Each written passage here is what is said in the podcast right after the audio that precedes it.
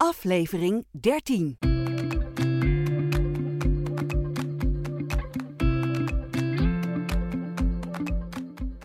Dit is een podcast van Advocaten, Familie en Erfrecht met Inge Diepman en Joost Dix. Welkom bij de vijfde aflevering van serie 2 van De Erfrechtenadvocaat. Een serie over alle ins en outs rondom de erfenis. In de eerste serie stond de meest gestelde vraag centraal. En in deze serie gaan we uit van een casus. En die wordt besproken en van wijze raad voorzien door meester Joost Dix, specialist familie- en erfrecht, partner bij Advocaten Familie en Erfrecht. En jullie zijn gevestigd in Eindhoven, maar ook in de provincies Limburg en Utrecht. En Dag, jij Inge. weet het erfrecht tot nu toe zo ontzettend leuk te beschrijven dat ik me weer zit te verheugen op deze podcast. Hallo Joost. Leuk, leuk. Wat heb je meegenomen? Want eh, we gaan het hebben over eh, de boedelbeschrijving. Ja, je weet het, in deze serie neem ik steeds een casus mee. Dus ik heb dat vandaag ook weer gedaan. En ik heb eh, de casus meegenomen van Elisa, de kunstliefhebber. Elisa die is kunstliefhebber en handelt tijdens haar leven in abstracte kunst. En ze doet dat eigenlijk hobbymatig en legt nooit iets vast op papier. We voelen al problemen aankomen. En, Hoort nou, wel een beetje hè, bij iemand Ja. die heel erg van kunst houdt. Of Ja, zo is dat vaak. En misschien zelf ook wel kunstzinnig is. Ja, en ja, zoals je het weet, in mijn casus ehm, overlijdt er altijd iemand. Anders is het natuurlijk geen erfrecht. En na een druk bezochte expositie in haar bloementuin overlijdt Elise. En haar drie zussen zijn haar erfgenamen. En de zussen hadden onderling wel contact met elkaar. Maar ja, ze weten eigenlijk weinig over de financiële handel en wandel van Elisa. Want ja, dat wisten ze zelf eigenlijk misschien ook niet, eh, niet eens. En ze maakten allerlei mondelinge afspraken over afbetaling van toch best wel kostbare kunstwerken. En die zussen die zijn al heel veel maanden op weg met afwikkeling van de laadschap, maar ze komen eigenlijk geen steek verder. Wat is de les die we uit deze casus kunnen trekken? Hoe loopt die af? En hoe luidt de wijze raad van meester Joost? Dat horen we allemaal in deze aflevering van de Erfrechtadvocaat.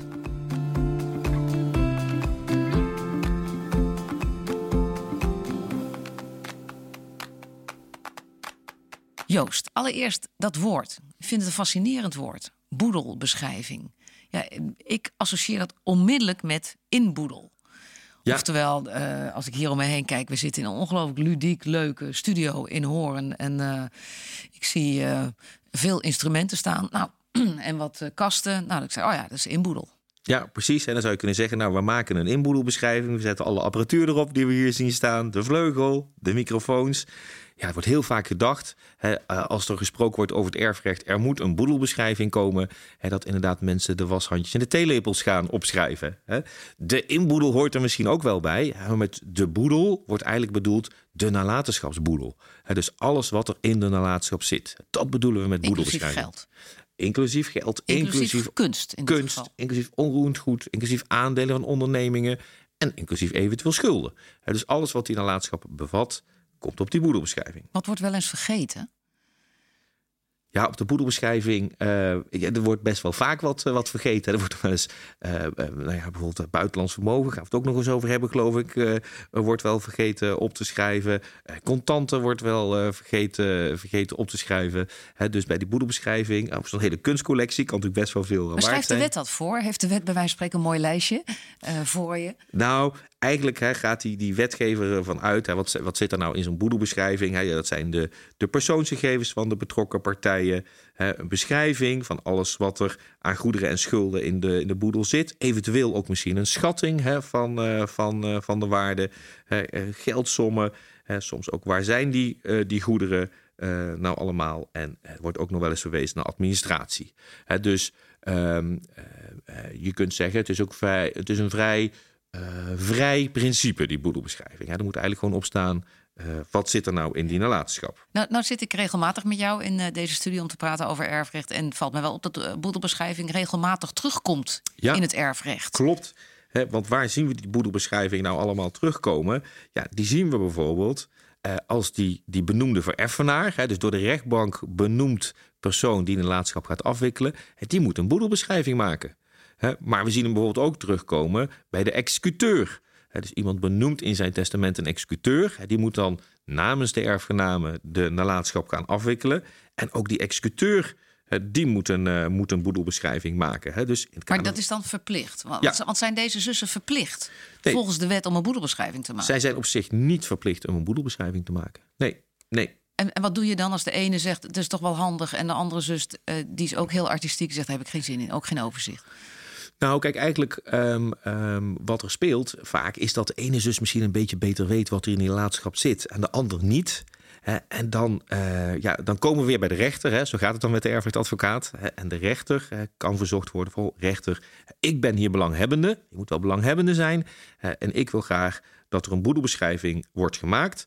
En dat zal de rechter zal dan een notaris gaan benoemen die die boedelbeschrijving dan gaat maken. Nou zit hier kunst in. Dat is, dat is best pittig. Ja. Want dat is niet altijd even vaststaand wat de waarde daarvan is. Nee, dat klopt. Dat klopt. En wat je dan ook ziet, is dat er soms eh, schatters, hè, deskundigen worden benoemd die dan die waarde moeten gaan bepalen. Overigens in het kader van de verdeling van de nalatenschap, zegt de wet. Hè, dus we gaan de nalatenschap verdelen. Ook dan weer kun je zeggen, dat zijn we bij een andere rechter, ik wil die boedelbeschrijving. Dus als erfgenaam, kort gezegd, kun je linksom of rechtsom aan een boedelbeschrijving komen. Maar als je dus oneenigheid hebt, hè, ik ga ervan uit dat deze zussen oneenigheid hebben, want ze zijn al maanden bezig en uh, het komt er maar niet van. Uh, dan uh, over het algemeen, als er dan een erfrechtadvocaat wordt ingeschakeld, dan ga je naar de rechter om hoe dan ook een boedelbeschrijving af te dwingen. Ja, je zult moeten weten als erfgenaam wat zit er in een laadschap. Uh, en zolang je dat overzicht niet hebt, zal er dus een boedelbeschrijving moeten komen. Of moet je zeggen, nou ja, misschien kunnen we in onderling overleg die boedelbeschrijving wel maken. Dat is ook goed. Het gaat niet per se om het, het formele punt. Hè. We moeten die notaris hebben die die boedelbeschrijving gaat maken, die benoemd is door de rechter. Daar gaat het niet om. Het gaat de erfrechtadvocaat er maar om dat hij weet wat er in die laadschap zit. Dus kun je dan alsnog in onderling overleg doen, is dat uiteraard ook prima. En als er komen overigens uh, nog een aflevering echt bij stil te staan, maar als er aandelen, aandelenportefeuilles in zo'n boedelbeschrijving zitten, uh, op welk moment geldt dan uh, wat, is, wat is het moment van waarde vaststellen? Is dat op het moment dat deze zus overlijdt? Of is dat variabel? Kan je dat zelf kiezen? Ja, het ligt eraan voor wie. Hè? Dus uh, als we die, die, die aandelenkoersen maar zien, uh, zien gaan, hè? Uh, voor wie gaan we dan rekenen? Hè? Is het iemand die een vorderingsrecht heeft op de nalatenschap? Hè? Dus de legataris hebben we het al eens over gehad, of de legitimaris. Hè? Ja, dan geldt de waarde van overlijden. Hè? Maar zijn we, zoals deze zussen, met elkaar aan het verdelen, hè? dan geldt uiteindelijk de waarde van het moment van verdelen. Iedereen doet mee met de waardestijging en waardedalingen. Kan iedereen dan vervolgens die boedelbeschrijving opvragen? Of is het in dit geval alleen de zussen? Als die zeg maar bij, eh, bij de bodemrechter komt, hè, dan komt hij die procedure naar voren. Uh, komt hij bij de, uh, uh, bij de kantonrechter in het kader van de bevel boedelbeschrijving, uh, komt hij daar naar voren. Maar het gaat alleen maar om de belanghebbenden. niet iedereen hoeft te weten wat daar, wat daar gebeurd is. En als, je, als die zussen nou uiteindelijk toch zeggen: ach, ja, het is toch wel handig zo'n lijstje maken. Ehm, is het oneerbiedig om overigens te zeggen dat het een lijstje is, maar, maar dan zullen ze dat dus, wat jullie noemen, onderhands doen. Hè? wat, wat moet er dan op dat lijstje staan? We hebben het net gehad over wat er allemaal in moet zitten, maar hoe, hoe begin je? Ja, kijk, zij zullen dan um, al dan niet uh, met, met hulp um, gewoon eerst eens gaan kijken welk actief zit er allemaal in een landschap. Hè. Bankrekeningen, die kunnen we natuurlijk bij de bank kunnen gegevens opvragen, maar ook bij de Belastingdienst. We kunnen kijken naar aandelen in een BV. Dus is er een, is er een onderneming? We kunnen natuurlijk gaan kijken in het kadaster. Wat eh, welk onroerend goed is er? Zo zijn er allerlei registers waar je naar kunt gaan. Wat zit er in zo'n nalatenschap? En vervolgens zou het ook zo kunnen zijn, in deze casus, dat die erfgenamen misschien wel schuldeisers moeten gaan aanschrijven. Dus misschien moeten ze ook wel eh, gaan duiken in die administratie uh, van zus Elisa. Dus ze moeten soms ook wat verder onderzoek doen. Dus het, is, het, is een, het woord lijstje is te simpel.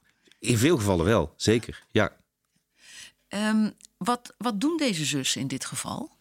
Ja, deze zussen die, uh, die zullen er in dit geval gewoon wijs aan doen om die boedelbeschrijving te maken. Hè? Want ja, in de casus wordt verteld, goh, er speelt van alles, ze zijn van alles aan het doen. Maar ze komen eigenlijk niet tot zaken. Ja, de start is altijd maak een goede boedelbeschrijving. En vanuit die boedelbeschrijving, en dan weet iedereen in ieder geval wat er is, heb je allemaal gelijke informatie. En vanuit daar kun je dan vervolgens de nalatenschap gaan afwikkelen. Betalen wat er te betalen is, innen wat er geïnd moet worden en vervolgens met elkaar de nalatenschap verdelen. Komen mensen daar zelf uit als het gaat om, in dit geval is het best ingewikkeld, want er is kunst. Uh, wat, wat getaxeerd moet worden. Uh, stel, er is een onderneming, stel er zijn aandelenportefeuilles, komen mensen daar zelf uit? Ja, hoe moeilijker de nalatenschap, uh, hoe meer hulp er vaak nodig is. Uh, dus vaak zie je dan dat um, als het een hele complexe nalatenschap is, dat bijvoorbeeld de erfrechtadvocaat daar de regie gaat nemen, gaat zeggen: dit moet er allemaal gebeuren. En die zal dan samen met de cliënten gaan kijken welke hulp is er nog meer nodig. Hè.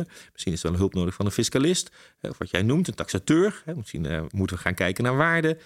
Dus daar zal, soms zullen er meer, meerdere mensen nodig zijn die die erfgenamen helpen. Is er ergens een, ik mag het woord eigenlijk niet meer gebruiken nu, maar is er een lijst of, of een voorbeeld te vinden van een boedelbeschrijving? Jullie hebben bijvoorbeeld uh, een, een, prachtig online erfenismagazine. Uh, uh, voor iedereen echt aan te bevelen om dat te bekijken. Het is een online platform. staat alles over, nou ja, ook alle ins en outs over de erfenis op zeer begrijpelijke taal beschreven. Erfrechtadvocaat.nl. kun je die aanklikken en dan ja, een kunt, voorbeeld van een boedelbeschrijving zien? Nou, dan zie je in ieder geval allerlei informatie. Hè. Dus in dat erfenismagazine zie je allerlei informatie over een boedelbeschrijving langskomen. Wat, wat moet erin staan? Er staat over, nog heel veel andere leuke informatie op. Maar bijvoorbeeld ook de rechtspraak heeft daar ook een, eh, een voorbeeld van op de website. Nou, uh, die zussen komen eruit. Hoe loopt het af? Ja, uh, die zussen die uh, zijn uiteindelijk zo wijs hè, dat ze met wat hulp komen tot die boedelbeschrijving. Dan is voor iedereen duidelijk, oké, okay, wat zit er nou in die nalatenschap aan kunst? En wat moest er nog betaald worden of afbetaald aan kunst? En dat blijkt overigens toch nog een heel mooi overzicht te zijn. Blijkt een hele mooie nalatenschap te zijn. En op grond van de boedelbeschrijving gaan die zussen de nalatenschap verdelen. Dus we hebben hier gelukkig een casus te pakken die is goed afloopt. Maar sommige mensen hebben echt wel wijze raad nodig. Dus we sluiten weer af met jouw wijze raad. De wijze raad van meester Joost, de erfrechtadvocaat. Ja, de wijze raad die uit deze casus volgt... is natuurlijk, ja, die boedelbeschrijving... die kan heel nuttig zijn bij de afwikkeling van de nalatenschap. Als je zelf de nalatenschap moet afwikkelen... is het, is het heel handig om een boedelbeschrijving uh, op te stellen... Uh, en als er nou oneenigheid uh, bestaat, komt die boedelbeschrijving er nog wel of niet? En dan kun je altijd nog de rechter vragen om een bevel boedelbeschrijving. En als er een executeur of vereffenaar is, ja, dan kun je daar de boedelbeschrijving op vragen. Er is niemand die zo leuk het woord boedelbeschrijving uitspreekt als Joost Dix. Dankjewel Joost. Tot de volgende keer. Voor wie je niet alleen wil luisteren, maar ook wil lezen over dit onderwerp... ga naar familie-erfrecht.nl, de website van Advocaten Familie en Erfrecht. Daar is ook alle informatie te vinden over het inschakelen van een erfrechtadvocaat. Het is ook leuk om op dat online platform rond te neuzen.